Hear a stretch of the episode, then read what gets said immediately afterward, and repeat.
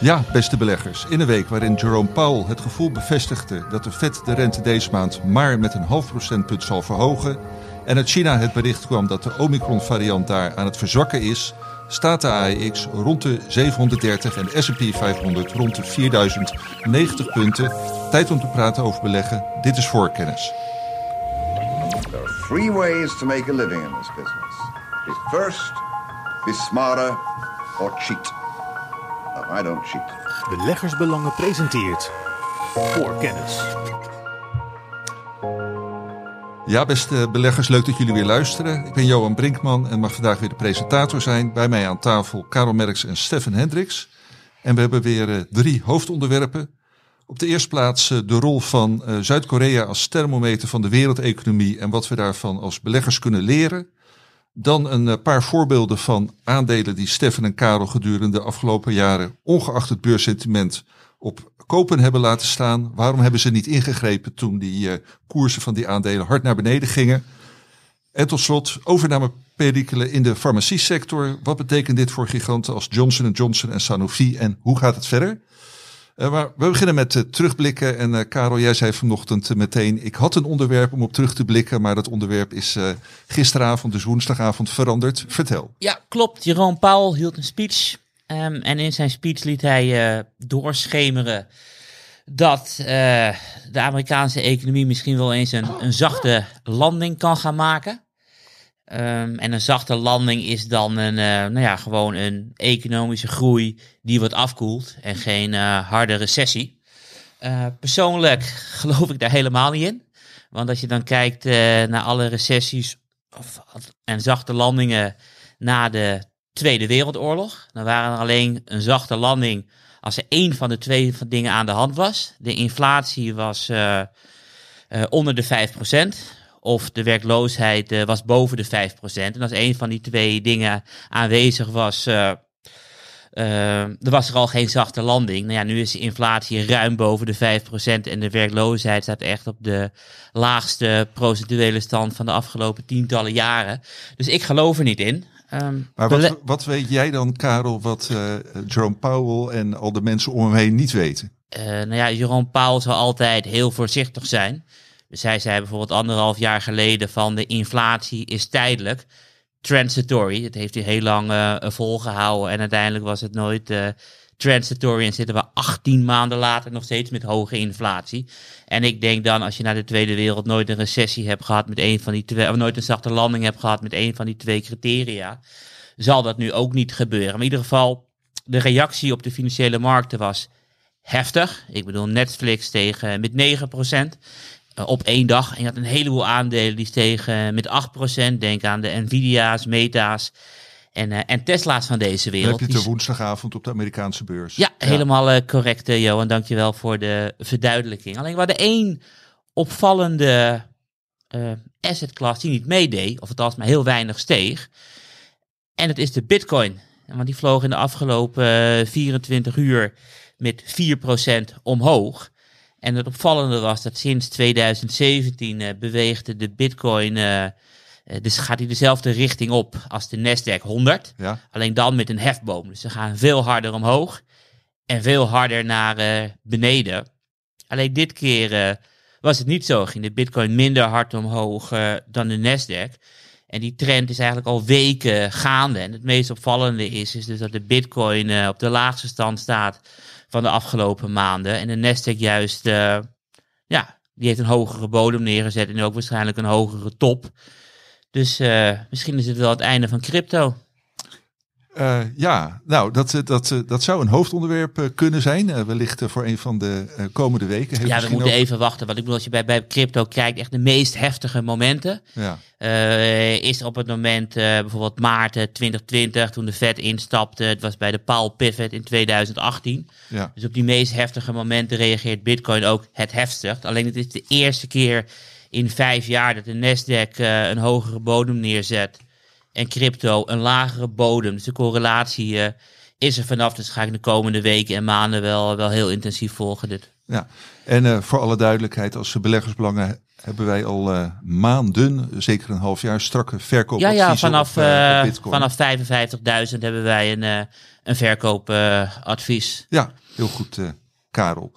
Eh Steffen, wil je hier iets aan toevoegen of zijn jou andere dingen opgevallen?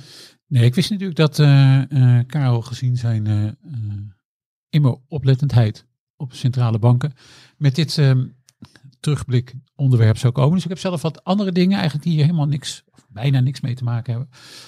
Ehm, eigenlijk om te beginnen een wat langere terugblik, want iedere maand ontvang ik van Deutsche Bank het overzicht van de prestaties van verschillende asset classes over de afgelopen maand. Dus ik blik ietsje verder terug.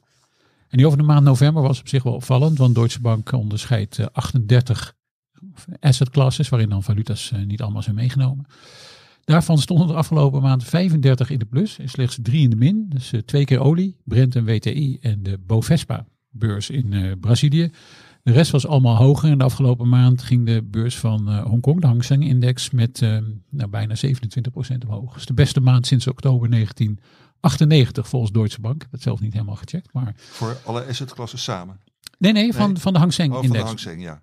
Dus dat was wel een hele opvallende maand. En dan nog twee helemaal ongerelateerde dingen. Hoewel ik me eh, meen te herinneren dat ze, eh, eh, dacht ik dat Karel er ooit wel eens iets over gedaan heeft. Er stond in het Duitse Handelsblad een artikel over Michael J. Burry, de bekende Big Short belegger. En voor wie de film nog niet heeft gezien, die moet die natuurlijk altijd kijken. Eh, hij heeft, ehm, eh, zo blijkt van zijn officiële filings, eh, over de posities in zijn fonds, ehm, zijn posities in Amerikaanse gevangenisexploitanten uitgebreid. In Geo Group is de ene en Core Civic is de andere. En die aandelen schoten de afgelopen week heel aardig omhoog. De Geo Group ging plus 16% en staat year to date al 50% in de plus. Werd door het ehm, handelsblad als een soort recessiebestendige belegging. Het is wel heel erg fout, Stefan. En, en de reden waarom ik dat zeg is, dat ik bedoel, je hebt bepaalde Amerikaanse staten waar de afspraken worden gemaakt eh, met gevangenissen. Er wordt gewoon vooraf eh, worden de contracten gemaakt. Bijvoorbeeld in, november brengt u eh, 273 gevangenen aan en er worden contracten voor gesloten. En als ze dan op 268 zitten, dan gaat de politie even de wijk in. En die gaat dan even een paar mensen oppakken om in de gevangenis eh, neer te zetten, zodat aan de contractuele verplichtingen gedaan kunnen worden. En vaak zijn dat wel de, de armste wijken die er bestaan. Dus je moet wel ehm, daartegen kunnen dat er zo geld wordt verdiend natuurlijk. Jazeker. Ik heb ook niet gezegd dat het een fantastische belegging is. Of dat je daar allemaal in moet. Maar van wat is je de afgelopen week, lopen week opgevallen? Nou, dit was me de afgelopen week wel opgevallen. En ja, even even- in alle ernst, hebben wij ons eh, bij beleggersbelangen de af- afgelopen 25 jaar, eh, Steffen, eh, wel eens eh, over deze aandelen gebogen? ja, ik weet in ieder geval dat ik het met Karel ooit eens over heb gehad. Volgens mij hebben ze nooit echt getipt. Maar het is, eh, deze zijn dingen jaren geleden is dat alweer. Volgens mij dat die wel eens bij ons voorbij kwamen. Sowieso eerst als ja, bijna als curiositeit. Hè, dat je in dit soort eh, bedrijven kunt beleggen. Het zegt ook een hoop over die maatschappij. Want in dat artikel van het Handelsblad, dat moet ik er eigenlijk even voorlezen. Blijkt dus dat ehm, in Amerika er eh, per mei 2011, dat zijn kennelijk de laatste cijfers, Zei je 609, 2011? eh, sorry, 2021, dat er 639 inwoners per 100.000 in de VS in de gevangenis zaten. En kennelijk is dat nergens anders hoger dan in de VS, eh, want El Salvador stond volgens die data op nummer 2 en Turkmenistan op nummer 3. En dat is toch wel, nou ja, goed, Karel zei al, het is heel erg fout, maar dat zegt natuurlijk ook wel een hoop over deze maatschappij. Ja, en eh, in veel opzichten een eh, prachtig land, eh, de VS, maar een aantal opzichten ook, eh, ook niet. Zijn we afdoende teruggeblikt? Gaan we naar de hoofdonderwerpen? Nee, zeker niet. Ik wil er graag nog eentje doen. En voor we nog het blad behandelen, Johan. Ja, ik ook nog. Mag ik eerst nog een klein... Wat vinden jullie gretig? eh? nee, hartstikke goed. Ja, nee, maar, eh, Ja, maar jullie zijn een paar weken niet hier aan tafel gezeten. Dus ik snap dat jullie weer eh, van alles eh, te berde willen brengen. Brand los. Ja, er zijn nog wel interessante dingen gebeurd. Want ehm, deze week heeft ook Swiss Re, dat is de op een grootste herverzekeraar ter wereld, een, een kort rapport uitgebracht over de schade van natuurrampen. En ook dat is wel weer veelzeggend voor wat er in de wereld allemaal los is. Eh, de verzekerde schade is eh, dit jaar, en vooral eh, dankzij orkaan Ian in Florida, uitgekomen op tot nu toe eh, 115 miljard. En het tienjaarsgemiddelde is 81 miljard. En dat zegt natuurlijk al heel veel. Ehm, en Swiss Re blikt ook nog even terug over de afgelopen 30 jaar. En ehm 30 jaar geleden hadden we orkaan Andrew. Nou, dat is bijna iedereen al bijna vergeten. Is de eerste orkaan met een stormschade van eh, meer dan 20 miljard. Eh, dat was toen natuurlijk onvoorstelbaar opvallend. En nu zegt ehm Swiss Re, ja, hebben we dat eigenlijk de afgelopen zes jaar, maken we dat ieder jaar zo ongeveer mee. En de conclusie van eh, Swiss Re is dan ook, de premies moeten een afspiegeling zijn van het effectieve risico. Dat is een, eh, mooi eufemisme voor de premies moeten hard omhoog voor de komende tijd. Omdat die schade loopt eigenlijk al maar verder op. En dan hebben we het nu nog alleen maar over natuurrampen. Dus niet over zogeheten man-made disasters, maar natuurrampen. Ja, het zegt iets over de staat van de aarde, denk ik, dat eh, die herverzekeraars ehm, met dit soort toenemende schadegevallen te maken hebben. Wat is een man-made disaster? Nou, dit is bijvoorbeeld een, eh, kan een bomaanslag zijn of een. eh, Oh, dan kan je ook tegen. Oké, want vaak zijn toch terroristische daden uitgesloten van uitkeringen ja, en zo. Kan ook nog wel eens, eh, dat, dat ligt er een beetje aan. Kan ook nog wel eens bijvoorbeeld verzekering van Olympische Spelen. Heb je bijvoorbeeld ook, hè, die worden of wereldkampioenschap voetbal. Als daar dingen fout gaan, door menselijke fouten, dan wordt dat ook verzekerd door, door die herverzekeraars. Eh, ja, dus dat zegt echt heel erg veel over die, eh, eh, over die markt. Want die schade natuurlijk groter wordt. En dat is niet alleen inflatie, maar dat is ook gewoon omdat het eh, vaker gebeurt. En dat tast natuurlijk de reserves van die herverzekeraars aan. Ja, helder. Eh, en ook dat is een onderwerp om eigenlijk om best wel lang eh, over verder te praten. Gaan we niet doen, doen we een andere keer. Karel, jij wilde nog wat eh, zeggen. Ja, ik wil eh, het hebben over het blad van afgelopen week. Ja?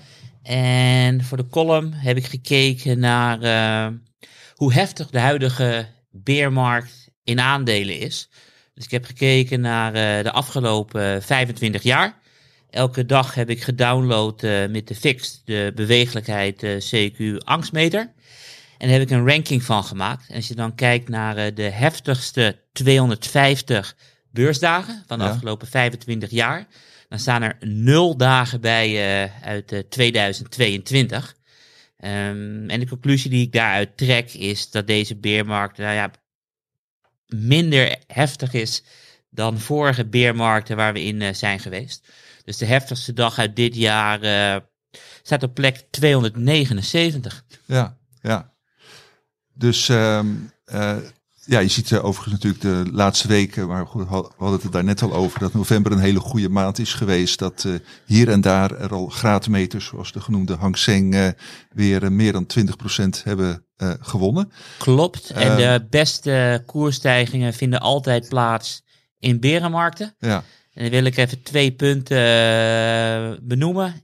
Ik denk 10 januari 2001.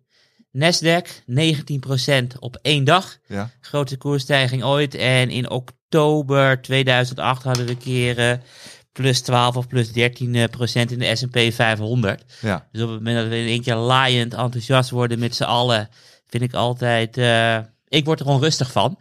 Maar ik heb een, eh, een vraag aan Steffen. Ehm, en dat gaat over de, de yield curve. Want als je dan kijkt naar eh, de tweejaarsrente in de Verenigde Staten en de tienjaarsrente in de Verenigde Staten, dan is de tweejaarsrente ligt op dit moment, of aan het begin van deze week, eh, 80 basispunten boven de 10 jaar. En het is heel erg invers. Hebben we echt in de afgelopen eh, tientallen jaren hebben we dat eh, niet eerder meegemaakt dat de tweejaarsrente zoveel hoger lag dan de tienjaarsrente. En ik ben een beetje gaan kijken van wat gebeurde er nou elke keer op het moment dat de yield curve van invers, dus van negatief weer naar, eh, naar positief ging. En elke keer brak er paniek uit op de beurs. En de reden was dat eh, de Federal Reserve een heleboel keren eh, de rente ging verlagen, waardoor kort naar beneden ging en lang een beetje blijft liggen, waardoor de yield curve weer positief was. En de vraag is van hoe gaat dit eindigen dit keer? Is er iets unieks aan de hand of zijn de afgelopen 50 jaar relevant voor wat er nu gaat gebeuren?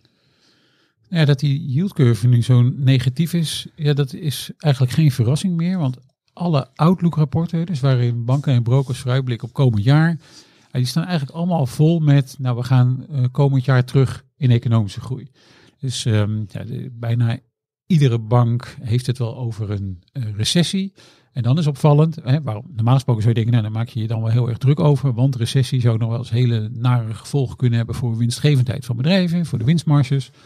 Iedereen is nu daar redelijk ontspannen over. Ik zeg iedereen, maar de meeste eh, banken en brokers waarvan ik de rapporten heb gezien. Omdat er wordt gezegd, nou het zou wel een milde recessie zijn. En eigenlijk de, de algemene opinie is toch een beetje, nou goed, die eerste drie tot zes maanden van komend jaar, die zullen wel lastig worden. Maar de tweede helft van het jaar wordt dan beter. En daarom lijkt het erop, maar we komen daar misschien straks bij nog een van de andere onderwerpen nog wel over te spreken. Dat ehm, ja, iedereen, heeft veel beleggers kennelijk niet zo ongerust zijn over het idee van een recessie. Omdat, omdat dit kennelijk eh, de roadmap is, de, de, de, de blauwdruk misschien voor komend jaar, zoals die wordt gezien. En dat zou dus betekenen dat. Hoe zie jij hem dan als je die rapporten leest? Ik vraag niet naar jouw mening, maar een beetje wat de consensus is van hoe gaat die yield curve weer positief worden?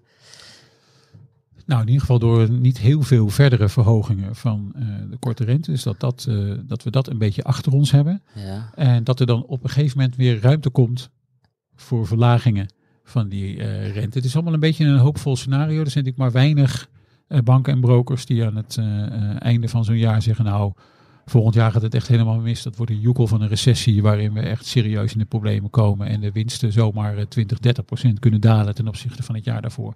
Dat zie je zelden terug. Dus dit is een beetje de consensus die erin zit. Oké, to be continued. Ik vrees Oké, eh, we zullen de column van Karel waar hij het over had in de show notes eh, zetten. Wil jij nog iets uit het blad noemen, Stefan? Of komen we daar bij jou eh, of bij, bij ons, eh, wat is het, eh, eh, tweede onderwerp eh, wel op terug?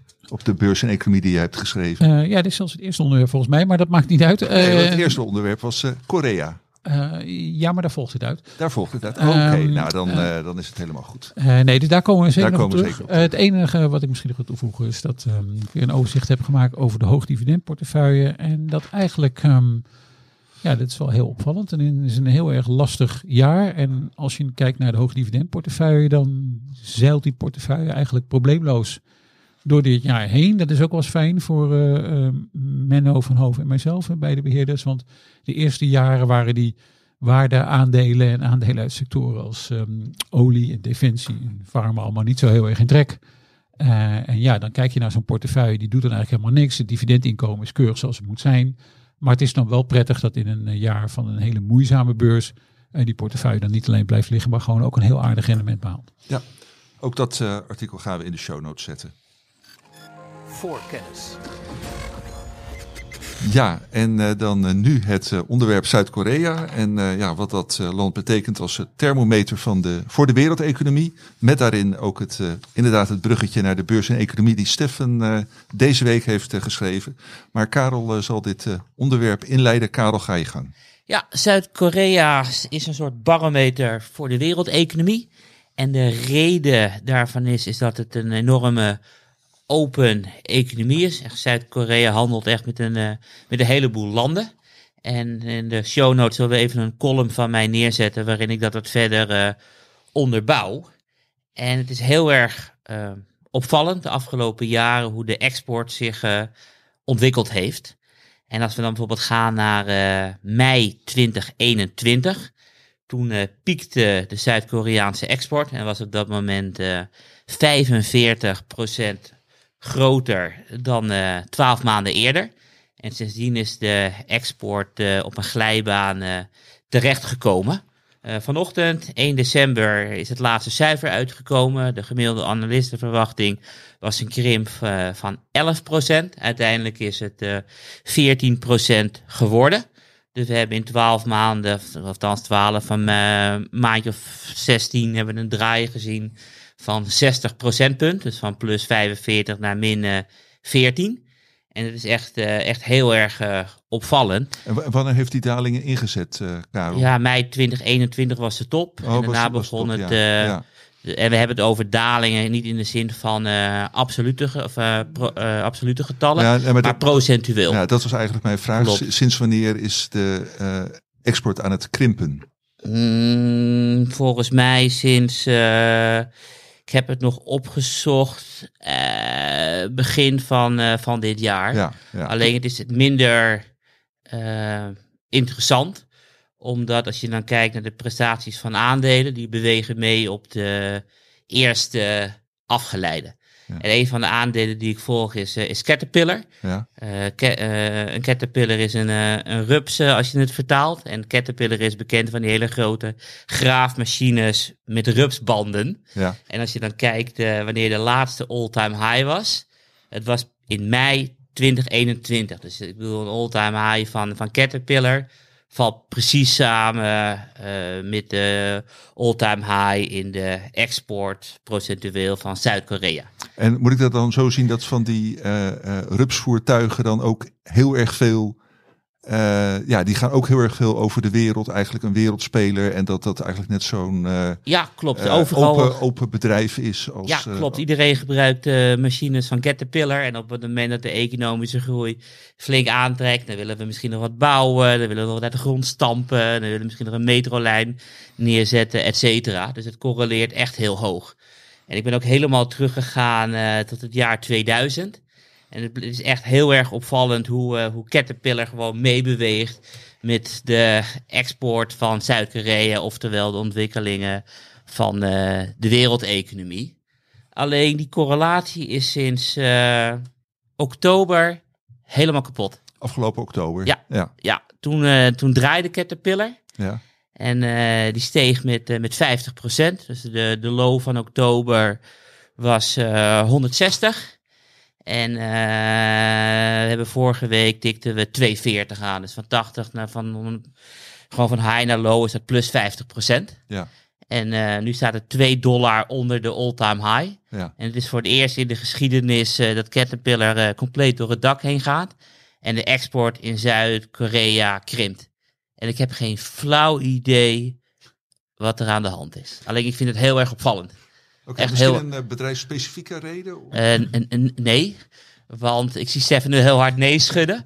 En die heeft een, een beurs in economie eh, geschreven. En volgens mij was het porté van het verhaal eh, dat heel veel industrials op dit moment eh, sterk omhoog gaan. Nou, mooi bruggetje, Karel. Steffen. Ja, wel dan Karel, dank daarvoor. Eh, ja, nee, dat klopt. Ik heb inderdaad een beurseconomie geschreven precies over dit fenomeen. eh waar onder meer in de Financial Times, maar ook in andere publicaties wel aandacht aan werd besteed. Want dat is opvallend dat de, eh, nou eigenlijk sinds het begin van het eh, vierde kwartaal, ehm, de industrieaandelen het zowel in de VS als in Europa opvallend goed doen. Dus in de VS zijn ze na energie eh, tot nu toe, dus gemeten vanaf eind september, de op één na best presterende sector. Dus ongeveer een eh 22,5% rendement voor die sector. Dat is bijna 9 procentpunt beter dan de S&P 500. Dus dat is echt wel een opvallende beweging. In Europa zijn die verschillen wat minder groot. Daar is eh, eh, sector industrie de nummer 4 van de 19 sectoren van de eh, Stocks Europe 600. Maar niettemin, ook daar heel erg opvallend. En waarom zat ik inderdaad nou net zo heel erg hard nee te schudden op de vraag van jou, Johan, is, is Caterpillar, die, die, die recente outperformance, is dat nou iets wat specifiek met Caterpillar samenhangt? Nou, eigenlijk niet, omdat je eh, ziet in die, als je even wat dieper gaat graven, in die sectorindices, eh, die industrieindices, zowel in de VS als in Europa, dan zie je eigenlijk dat daar een breed scala aan bedrijven heel erg goed presteert. Dus Caterpillar inderdaad, daarvan zou je kunnen zeggen bouw en mijnbouw zijn die dan eh, heel erg ehm, eh, opgericht. Maar Deere bijvoorbeeld, dan hebben we het over landbouw, die doet het heel erg goed. Of Johnson Controls in Amerika, dan hebben we het over gebouwenbeheer, eh, dat doet het ook heel erg goed. Boeing doet het heel erg goed. En ook een conglomeraat als General Electric doet het heel erg goed. Dus het is nogal divers gezelschap. En dat zie je ook in Europa. Dus in Europa doet Alstom het ontzettend goed. Nou, dan hebben we het over eh, treinen, metro's, allerlei spoorweg, infrastructuur. Maar ook Daimler Truck, vrachtwagens, doet heel erg goed. CNH Industrial, dat zou je een beetje een tegenhanger kunnen noemen van. Eh, Landbouw dus ook weer. Dus dan heb je ook alweer een heel ja, breed scala aan bedrijven, want ook Siemens valt er nog onder, dat heel erg goed presteert. En dus is het de vraag van, ja, wat is er nou aan de hand? Hè, wat Karel zegt, want het, het lijkt er niet op dat het nou economisch gezien zo heel erg goed gaat als je eh Karels eh, zeg maar Zuid-Korea eh, neemt. En toch doen die bedrijven het heel erg goed. Het is ook best wel lastig om daar denk ik een goed antwoord op te geven. Zou het kunnen zijn dat in die periode daarvoor eh, ja, deze bedrijven gewoon extreem eh, koersverliezen hebben geleden? Net zoals bijvoorbeeld de chipbedrijven. Nou, ze zijn misschien best wel eh, afgestraft, maar dan is toch nog steeds de vraag van waarom loopt het dan nu wel zo heel erg hard op? En ehm, een van de redenen kan zijn, de, de derde kwartaalcijfers van die bedrijven, die waren eigenlijk allemaal niet slecht.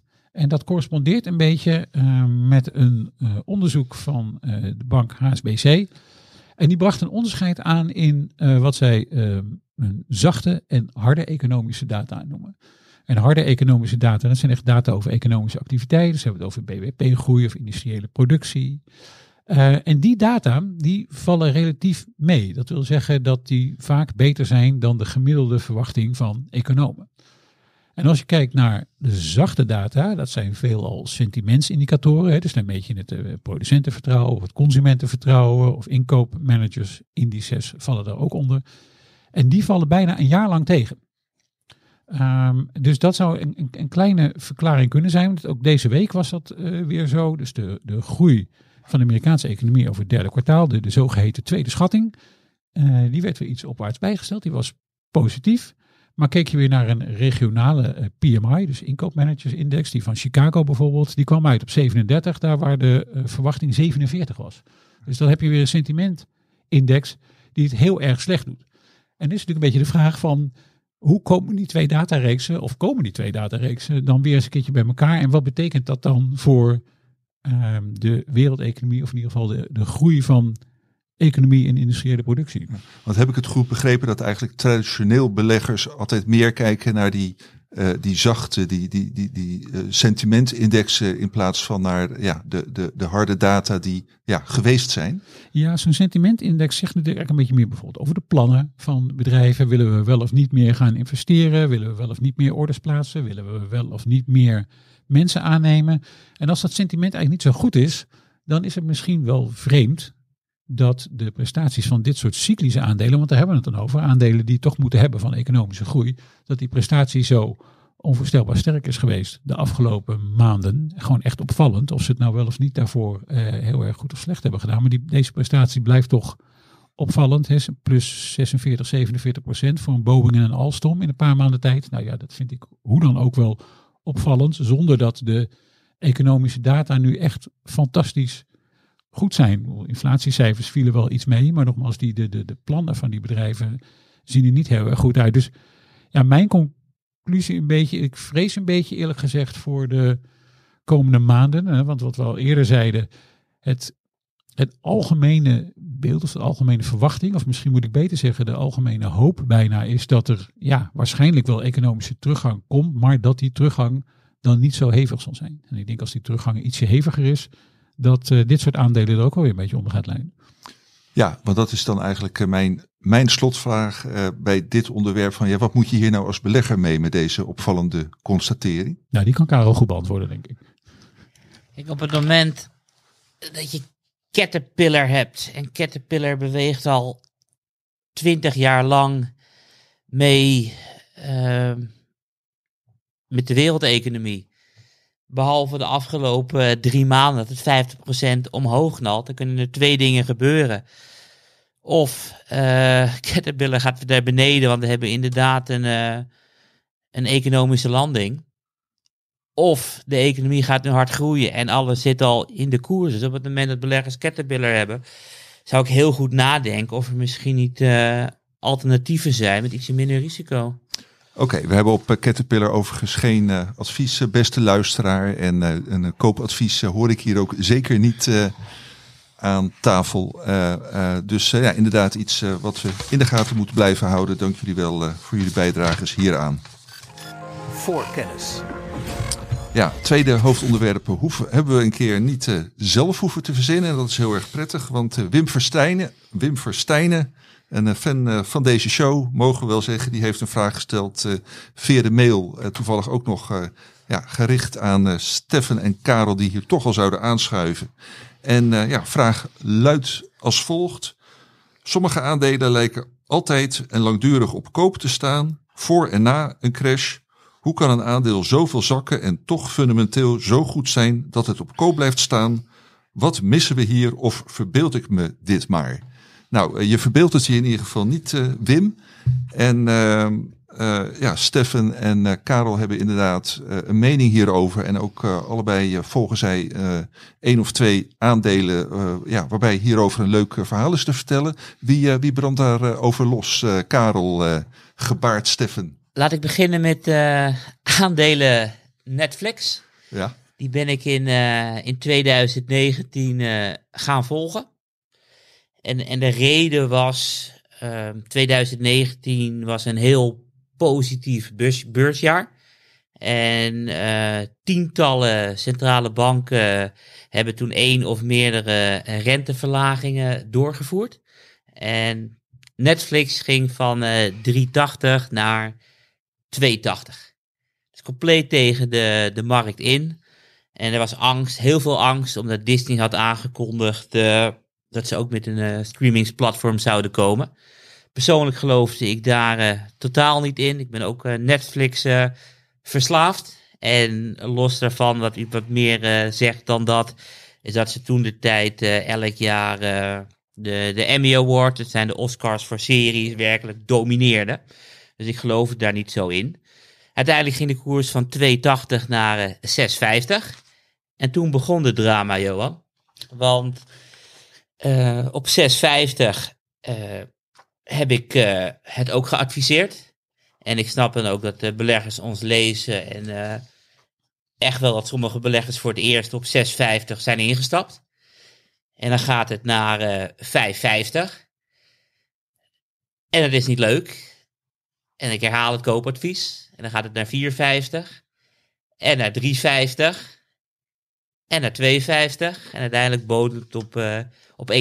En gedurende de hele rit eh, heb ik het eh, op koper gehouden. Dus ik vind het een hele terechte vraag van... eh, waarom hebben jullie aandelen dan tijdens de gehele beermarkt op koper gehouden? Hadden jullie niet moeten ingrijpen? ja, en nu het antwoord Karel. Nou ja, het is heel erg lastig. Want ik bedoel, op het moment dat iets op van 2,80 naar 6,50 gaat, eh dan begint natuurlijk een beetje het idee naar binnen te kruipen dat je het snapt. Eh, maar ja, je herhaalt wel het koopadvies. Kijk, en er zijn, denk ik, één hele belangrijke reden. Ja, twee, dat ik het altijd op koper gehouden heb. En het is één, dat ik geloof dat op het moment dat een bedrijf op lange termijn eh, sterker wordt, dan overleeft het altijd de beermarkt en dan gaat het uiteindelijk naar eh, de hoogste koersen ooit. En het is gedurende de hele tijd is dat geweest. Ik kreeg vandaag weer een, eh, een persbericht van een serie waar ik nog nooit van gehoord heb, Johan. Deze week is de serie Woensdag live gegaan. Wednesday, in het, eh, hoe die officieel heet. En in de eerste week hadden daar Netflix-abonnees voor 341 miljoen uur naar gekeken in één week. Nieuwe all-time high, nog nooit in de wereld is er zo vaak in de eerste week naar een serie gekeken. Vorige record was uiteraard ook van Netflix, omdat het record altijd van de ene Netflix-serie naar een andere Netflix-serie gaat. En andere streamers niet meedoen. Dat was eh, Stranger Things seizoen 4. Dus elke keer verbeteren de cijfers. En dan denk je van, ehm, uiteindelijk moet het goed komen. Ja. Maar, denk, dan- je nou, denk je nou oprecht, Karel, van dat al die eh, mensen die vanaf eh, die, dat hoogtepunt hebben verkocht en niet hebben gekocht, dat dat sukkels zijn dat het, die het niet snappen en eh, dat jij uiteindelijk eh, gelijk zal krijgen? Nee, zeker eh, niet. Want ik bedoel, ik heb heel vaak heb ik ongelijk gekregen. Dus het zijn sowieso geen sukkels en ze snappen het beter dan ik. Ehm, alleen ik denk nog steeds dat op de lange termijn ehm, gaat goed komen. Want de laatste koersdaling van 300 naar eh 150, dus de laatste halvering, die gebeurde omdat eh, de consensus was. In tijden van inflatie moeten mensen gaan bezuinigen. Dus ze gaan hun Netflix-abonnement opzeggen. En ik denk dat als op het moment dat jij 12, 13 euro per maand betaalt, dan kan je zoveel uur entertainment uithalen. Het is veel goedkoper dan een dagje pretpark of een dagje eh, weg met de kids. Dus ik denk dat het er niet uitgaat. En uiteindelijk is ook gebleken dat dat niet niet is gebeurd. Kijk, en er zijn een aantal criteria waar ik ook altijd naar kijk. En dat is uh, waarderingen.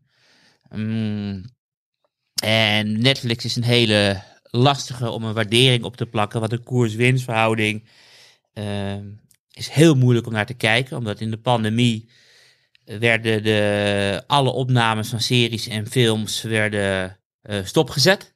Nou ja, het uit, uiteraard vloog toen de wind compleet door het dak heen. En dat je natuurlijk wel de series had, maar niet uh, de kosten om die te maken. Uh, en nu lopen de kosten heel snel op, omdat ze allemaal series aan het inhalen zijn. Maar als je bijvoorbeeld kijkt naar de verhouding tussen beurswaarde uh, en omzet, nou ja, die is op dit moment 2,4 en bij de vorige all-time high was het 10. En zolang Netflix blijft groeien, blijft het op koop staan. Alleen het is echt. Ik vind het heel erg lastig om bij een mooi bedrijf, wat, wat gewoon goed presteert. En elke keer betere series dan de vorige lanceert, die nog meer wordt bekeken om um, op een gegeven moment het koopadvies eraf te halen. Ja, dus fundamenteel vind jij het gewoon een koop, punt. Punt. Alleen ik snap wel dat op het moment dat mensen een abonnement nemen op beleggersbelang, het voor 6,50 kopen en het gaat naar 150, dat ze denken van, wat zijn ze daar aan het doen?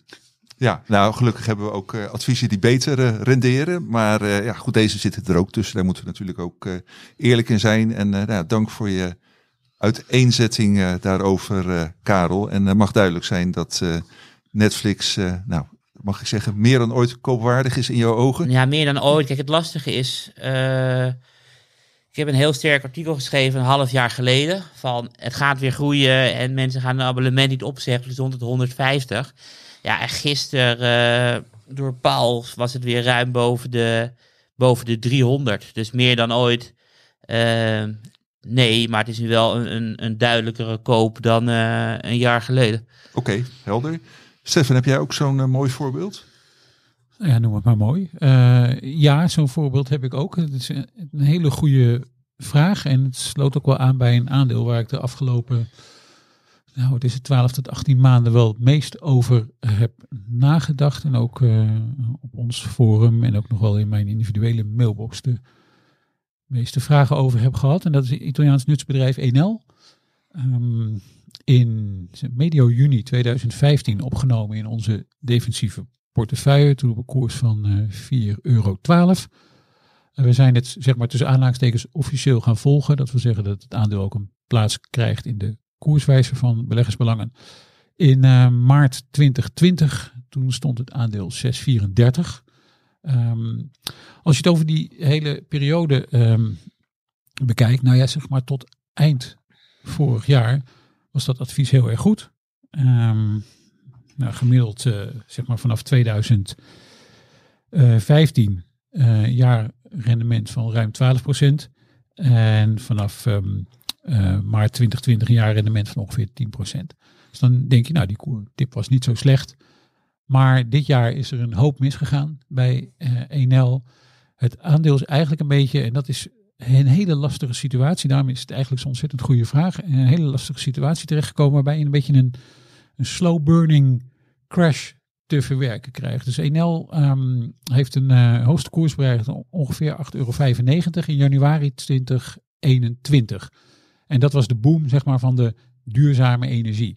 En toen wij het aandeel opnamen in de koerswijzer in maart 2020, zei ik al, het is niet alleen een aandeel voor het dividend, wat heel erg aantrekkelijk is, maar dit is een bedrijf dat ook gaat profiteren van de groeiende vraag naar duurzame energie. Dus dat klopt op zich allemaal wel.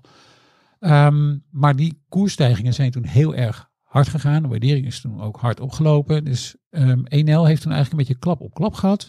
Het begon met die afwikkeling van die duurzame energieboom. Nou, je kan ook de koers van pak een beetje een Ørsted ernaast leggen.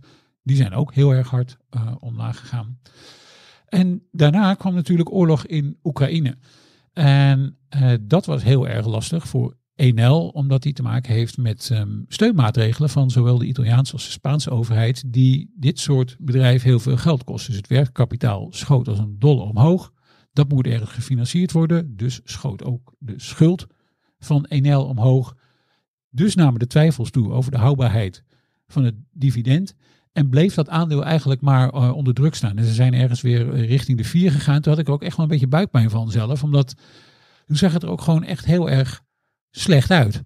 Eh, ook voor de houdbaarheid van het dividend. En die schuld was gewoon echt niet gezond. Dat kon je ook wel zien. En dat was ook heel erg vervelend. Omdat gedurende die hele periode, net zoals Karel had met Netflix, had ik dat, dat met 1L dat ik het fundamenteel gezien een goed bedrijf vond. Een bedrijf dat op de goede weg was. Hè, namelijk de, de, de draai van uh, meer minder duurzame energiebronnen zoals uh, kolen en steenkolen en aardgas te vervangen door uh, met name onshore windparken hebben we het dan over, maar ook nog zonne-energie en offshore wind. Dus dat, dat strategisch gezien zat dat wel goed. En het bedrijf had jarenlang eigenlijk strategische plannen afgegeven en zich daar altijd aan gehouden. Dus um, toen voelde het nog extra vervelend. En dan heb je het gevoel dat je eigenlijk um, ja, je blijft geloven in datgene wat je, uh, de strategische visie die je voor je ziet.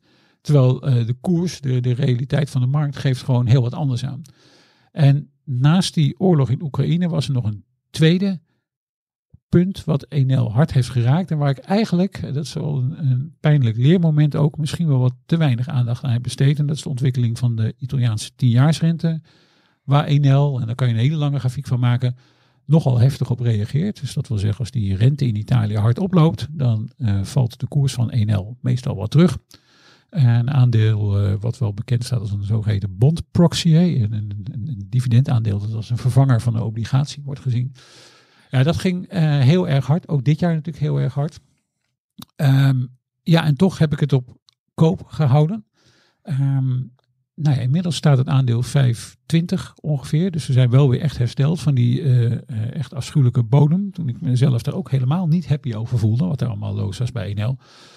Um, ja, en nu staat het bedrijf er eigenlijk op zich niet slecht voor. Het dividend is in ieder geval gehandhaafd gebleven. Want eigenlijk door die jaren heen heb ik het altijd een aantrekkelijk dividendaandeel gevonden. Het zit niet voor niks in onze hoge dividendportefeuille. Je hebt ook wel eens gezegd dat het een van de weinige Italianen zijn die uh, te vertrouwen uh, nou, ik weet niet of ik het, of ik het zo cru heb gezegd. Nee, ja, ik sluit dat niet uit, maar ik, uh, uh, ik heb daar geen, nee, actie, bedoel, geen actieve herinnering aan. niet in Italië wordt uitgezonden in de vertaling ook, want dan nee. hebben we weer een diplomatieke rel. Maar goed. Nou, laat ik het zo zeggen. Ze hebben altijd zich aan een afspraak gehouden ja. betreffende dividendbeleid en... Precies. Misschien laat ik, laat ik hopen dat ik het zo gezegd heb, dat er een, een tijd was waarin Enel misschien wel plannen had.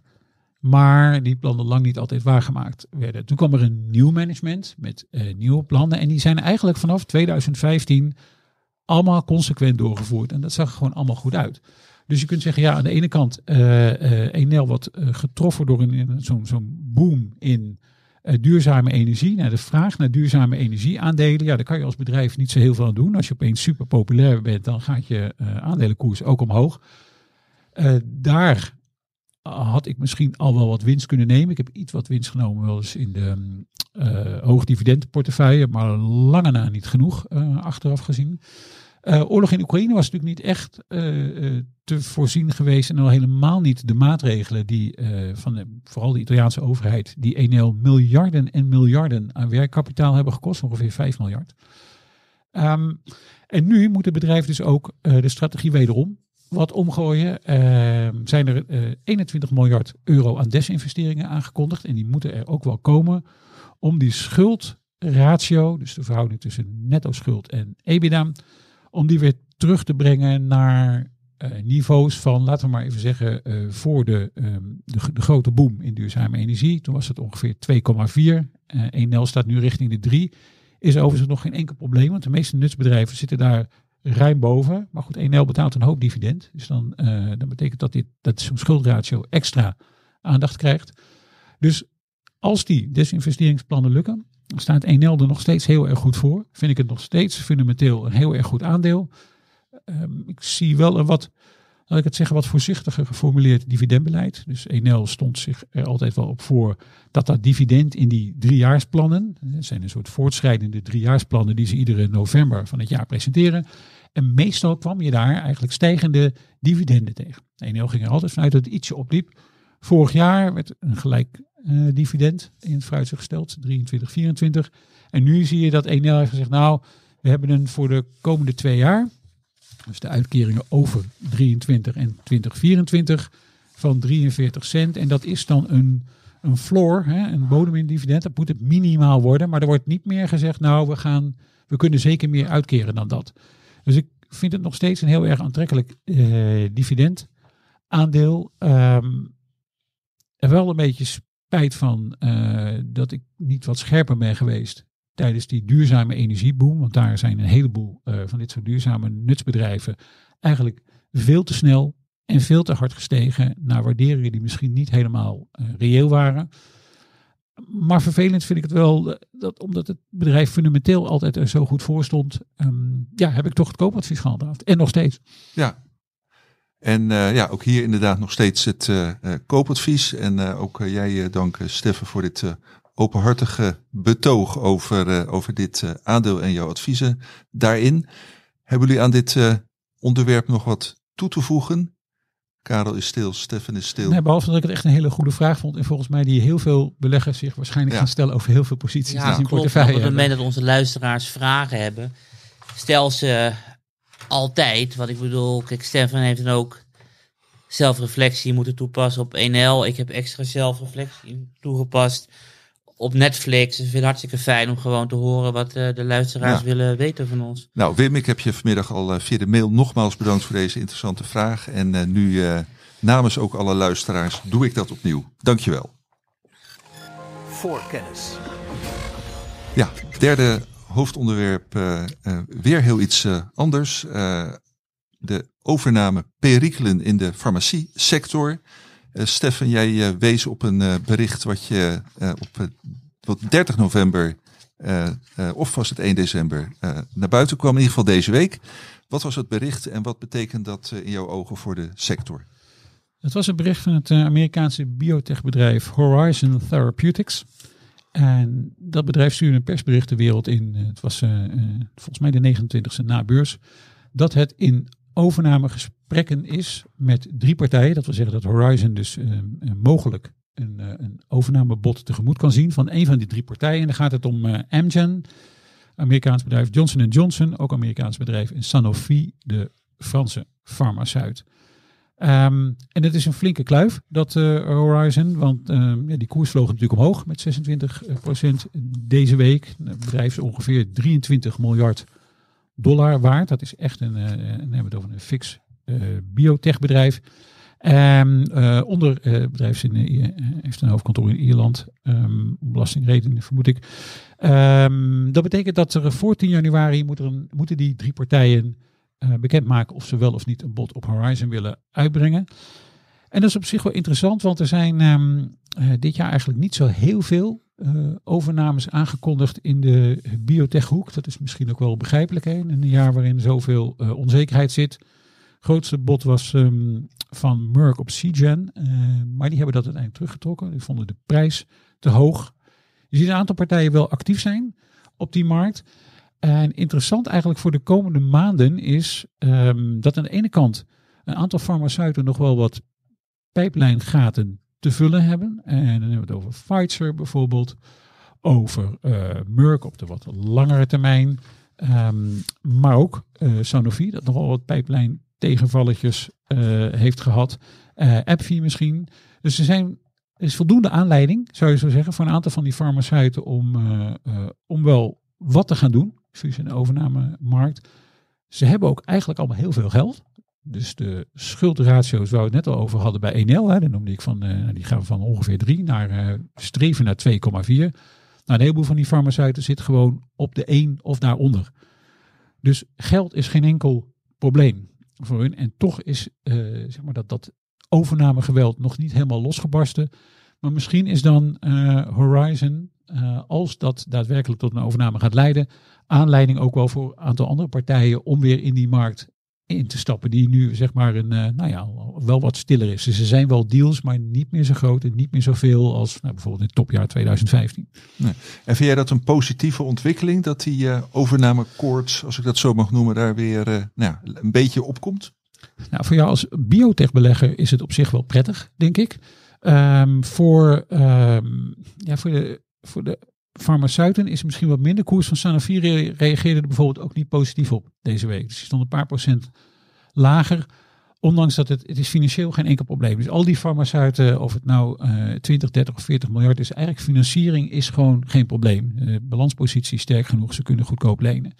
Vraag is altijd wel een beetje, wat wil je nou eigenlijk precies doen en wat koop je dan? En in het verleden werden natuurlijk nog wel eens zeg maar, veelbelovende eh ja, pijplijnprojecten gekocht. En nu zie je toch wel dat die farmaceuten eigenlijk wat meer zekerheid willen hebben over de producten die ze aankopen. Dus dat ze bedrijven aankopen die wat verder zijn in een klinische testfase of misschien zelfs al net een nieuw product op de markt hebben gebracht. Het feit dat ze dat weer moeten doen, het feit dat er weer gaten gevuld moeten worden, is in beginsel natuurlijk niet heel erg positief. Betekent namelijk dat de eh, onderzoek en ontwikkeling van die bedrijven zelf kennelijk niet in staat is geweest om al die pijplijngaten op te vullen her en der. En in het geval van bijvoorbeeld Sanofi, maar ook uh, Roche, een paar podcasts geleden al over gehad. Uh, ja, zijn er toch te veel teleurstellingen geweest dit jaar over uh, middelen waarvan je in eerste instantie als farmabelegger, en ik heb een heleboel van die farmaceuten in mijn eigen portefeuille, onder andere Sanofi en Merck en Pfizer, dat dat eigenlijk toch nog niet voldoende heeft opgeleverd. En er gaan echt miljarden en miljarden per jaar naartoe. Uh, en dat heeft dan toch eigenlijk nog niet het momentum opgeleverd in die pijplijn, in de intern uh, uh, gegenereerde pijplijn, om maar zo te zeggen.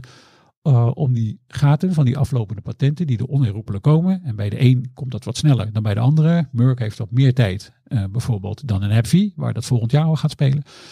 Um, ja, dat is dan natuurlijk niet een ontwikkeling waar je heel erg blij van wordt. Nee, helder. En uh, nou ja, als je over deze sector praat en uh, ja, dan die biotechbedrijven voor de Nederlandse particulier, dan uh, praat je natuurlijk al snel over farming, Galapagos. Kunnen we daar ook interessante biedingen op verwachten in jouw ogen?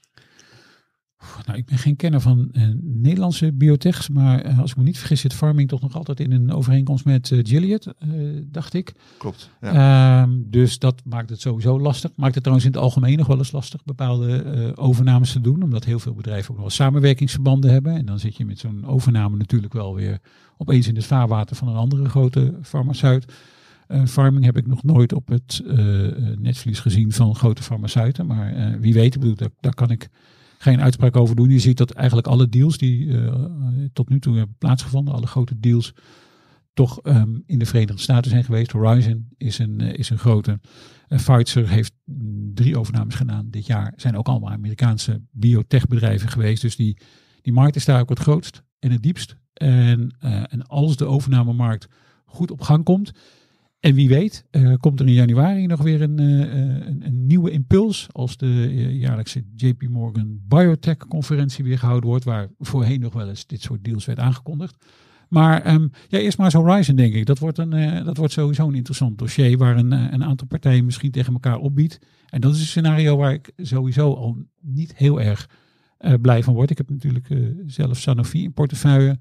Ja, ik heb ook liever niet dat die um, zichzelf gaan overbieden om een bedrijf binnen te halen met activiteiten die misschien wel aansluiten, maar de pijplijn van het Sanofi niet noodzakelijkerwijs verbreden.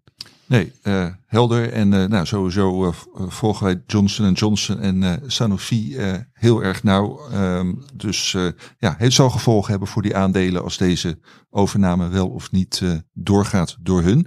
Karel, zie jij in sectoren die jij volgt iets van ja, weer toene toenemende overnamekoorts? Nee. Nee, nou, nee helder. eigenlijk niet. Ik bedoel, ik zit heel fanatiek natuurlijk op de grote oliemajors. Ja, Shell heeft de afgelopen week uh, nog wat gedaan. Maar als je dan gaat kijken van wat de waarde van die overname was, dan was het 1% van het totale bedrijf. Mhm. Dus kleintjes zie ik wel her en der gebeuren, maar hele grote niet. Nee, nee, nou, hoeft ook niet. Stefan, jij verder nog uh, op overnamegebied dingen die je opvallen? Bij die, wat ik bij die oliemaatschappij is natuurlijk wel interessant dat een tijd lang um, misschien beleggers er ook niet zo op zaten te wachten. Ofwel investeringen nog verder in, uh, in fossiele productie. Maar liever zoiets van, nou keer het dan maar uit. Want misschien zijn die activiteiten te risicovol. Ja, nee, klopt ook. Want als je kijkt naar, uh, naar capex, dus de investeringen. Uh, Brent, uh, gemiddelde prijs over dit jaar was 100. De laatste keer dat het 100 was, was in 2013. En toen werden er voor tientallen miljarden meer geïnvesteerd dan nu. En ik zat nog eventjes uh, van de week de naar de CEO van Total te luisteren. En die zei van ja, onze belangrijkste doel is het eh, versterken van de balans en uitkeren aan de aandeelhouder. En het gaat zelfs nog voor duurzaamheid, noemde hij dat. Ja, nee, dat zie, je, dat zie je ook. Volgens mij was alleen eh, Eni, eh, Italiaanse oliemaatschappij, die dacht ik deze week een overname van Neptune heeft aangekondigd. Dat is wel een traditionele eh, olie- en gasproducent volgens mij. Maar nee, verder ben ik het met eh Karel eens. Het is kennelijk ook niet de, de eerste prioriteit van Nee. beleggers in, die, in die bedrijven. Want uiteindelijk praat natuurlijk het management liefst niet tegen zijn groot aandeelhouders in. Dus ik vermoed wel dat dit ook een beetje is wat men van de groot aandeelhouders te horen krijgt. Hè. Misschien investeringen in duurzame energie, uitkeringen eh, aan, eh, aan aandeelhouders en misschien niet al te veel investeringen slash overnames eh, in de fossiele sector. Oké, helder. Dank jullie wel. Voor kennis. Dan eh, gaan we als eh, afsluiting eh, vooruitblikken op eh, de komende week. Maar eh, voordat ik eh, dat aan eh, Stefan en Karel vraag, eh, even nog ook eh, aandacht voor het feit dat wij echt steeds meer eh, leuke vragen eh, krijgen. We hebben er eh, net al eentje uitgebreid besproken. Ik heb eh, ook nog een vraag eh, binnengekregen van Frank de Boer. Frank met een C dan. Oh, Ja, Eh, eh, de rode draad. eh, eh, eh, even kijken hoor. Ehm, ja, hij, hij vraagt zich eh, af of er een rode draad is in de objectieve criteria die wij eh, hanteren, die eh, eh, nou, analisten als Karel en Stefan hanteren, om ja, te kijken ja, of bedrijven op lange termijn gezond zijn of niet. Zeker een onderwerp dat we de komende tijd een keer willen behandelen, eh, Frank. Ik weet niet wanneer, maar het zal zeker aan de orde komen. Ja, hebben ook andere luisteraars interessante vragen, dan kan dat naar voorkennis.beleggersbelangen.nl. En eh, nou, voordat je het weet zit ik eh, volgende week eh, met Steffen en Menno uw vragen te bespreken hier. Maar nou, we, we garanderen niks, maar we nemen het wel allemaal serieus. En dan ga ik nu aan eh, Karel vragen waar hij de komende week met name naar vooruit kijkt. Ehm, de arbeidsmarktcijfers komen er weer aan. Dus het banenrapport over de maand november. Is het morgen of volgende week vrijdag? Ik vind het heel erg lastig. Ik heb het niet in de agenda opgezocht. Maar heel soms als het de eerste is, dan schuiven ze het een week door. Het tweede zou ook kunnen. Maar in ieder geval, ik denk morgen. Kijk Stefan even aan. Het is een hele lastige. Maar in ieder geval, die komt eraan. En het is een hele eh, belangrijke. Dus ik ga hem straks even checken wanneer het precies is. Want ik kijk al maanden naar de participatiegraad.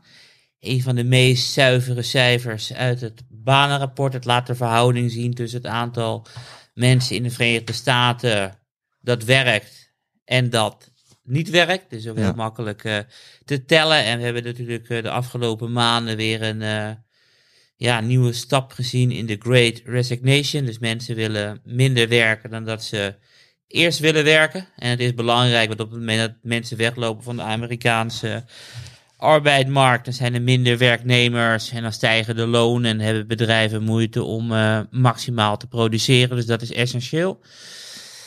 Daarnaast komt er steeds meer nieuws eh, dat misschien de Chinese economie eh, weer open gaat. Nou ja, het is belangrijk omdat eh, China echt een enorme vraag heeft naar, naar grondstoffen nog steeds. En ik kan me nog een paar weken geleden herinneren dat iemand in China zei, we gaan weer open. En toen zag je ook mijnbouwbedrijven als Tech Resources, maar ook steenkoolbedrijven als eh, Peabody is tegen met 10 à 15 procent, omdat China weer open zou gaan. Uiteindelijk werd het weer ontkend. Dus dat gaat er ook een keertje aan zitten te komen. Dus dat ga ik volgen. We hebben natuurlijk eh, de traditionele kerstrally op de beurs. Altijd weer nieuwsgierig hoe dat gaat. Ik zie Stefan lachen van... eh, ja, ik ken jouw mening, maar ja, het is een fenomeen. Dus ik, ik vind het interessant als koersen bewegen. Dus ik ga daar naar kijken. 13 december eh, CPI-cijfers, belangrijkste inputcijfer. Misschien wel Inflatiecijfers. eh, Ja. ja. Consumer eh, Price Index. En dag daarna de Federal Reserve eh, met het rentebesluit. Heel nieuwsgierig of er gewoon eh 50 basispunten bij komt. Of toch iets anders. Dus het is weer een warme en gezellige maand, denk ik. Ja, nou, dat is goed om te horen. Karel, Stefan, waar kijk jij voor de komende weken naar uit? Eh, nou, naar de weersverwachtingen bijvoorbeeld. Ehm, De de weersverwachtingen. weersverwachtingen, want hoe eh, kouder dan verwacht in Europa, hoe meer nervositeit er is op de aardgasmarkt en de prijzen zullen daar een uh, afspiegeling van zijn, uiteraard. Dus dat is wel iets om te volgen. En um, uh, het onderwerp van daarnet natuurlijk. Ik ben heel erg benieuwd of er uh, de komende dagen ergens een, een, statement komt van een van de drie potentiële overnemers van Horizon. Want zoals gezegd, kan dat nog wel eens her en der wat in beweging zetten. En wat jij ook zei over die aardgasprijs. Het is wel een van de belangrijkste thema's die er is. En ik vind het persoonlijk vind ik het uh, uh, ja, misschien wel onbegrijpelijk dat op dit moment, uh, nou ja, tot twee weken terug nog onze aardgasreserves in Europa tot 100% gevuld waren. Wat heel erg goed is. Maar ja, van die 100% is wel 45% afkomstig uit Rusland. En de kans is natuurlijk dat uh, voor de winter van 23, 24 er niet 45% van de aardgasreserves uit Rusland zullen komen. Dus waar komen die uh, vandaan? Nou ja, de grootste LNG-exporteur op de wereld uh, is de Verenigde Staten. En dan gaat echt met equivalente miljoenen vaten worden naar Europa verscheept. En daar beginnen nu ook de, de voorraden snel te dalen. En ik denk dat ook keertje de Verenigde Staten gezegd van hallo, we gaan niet alles meer wegsturen. Dus ik bedoel, dat is ook een onderwerp wat echt week in, week uit ook op mijn uh, radar staat. Oké, ja, we moeten als eh, beleggers op alles uh, letten, op alle financiële data, maar zeker ook op het weer. nou, hartstikke bedankt Karel en Steffen en ook de luisteraars voor ruim een uur luisteren naar ons. Volgende week zit ik hier zoals gezegd met Steffen weer en dan met Menno. Fijne week en tot volgende week.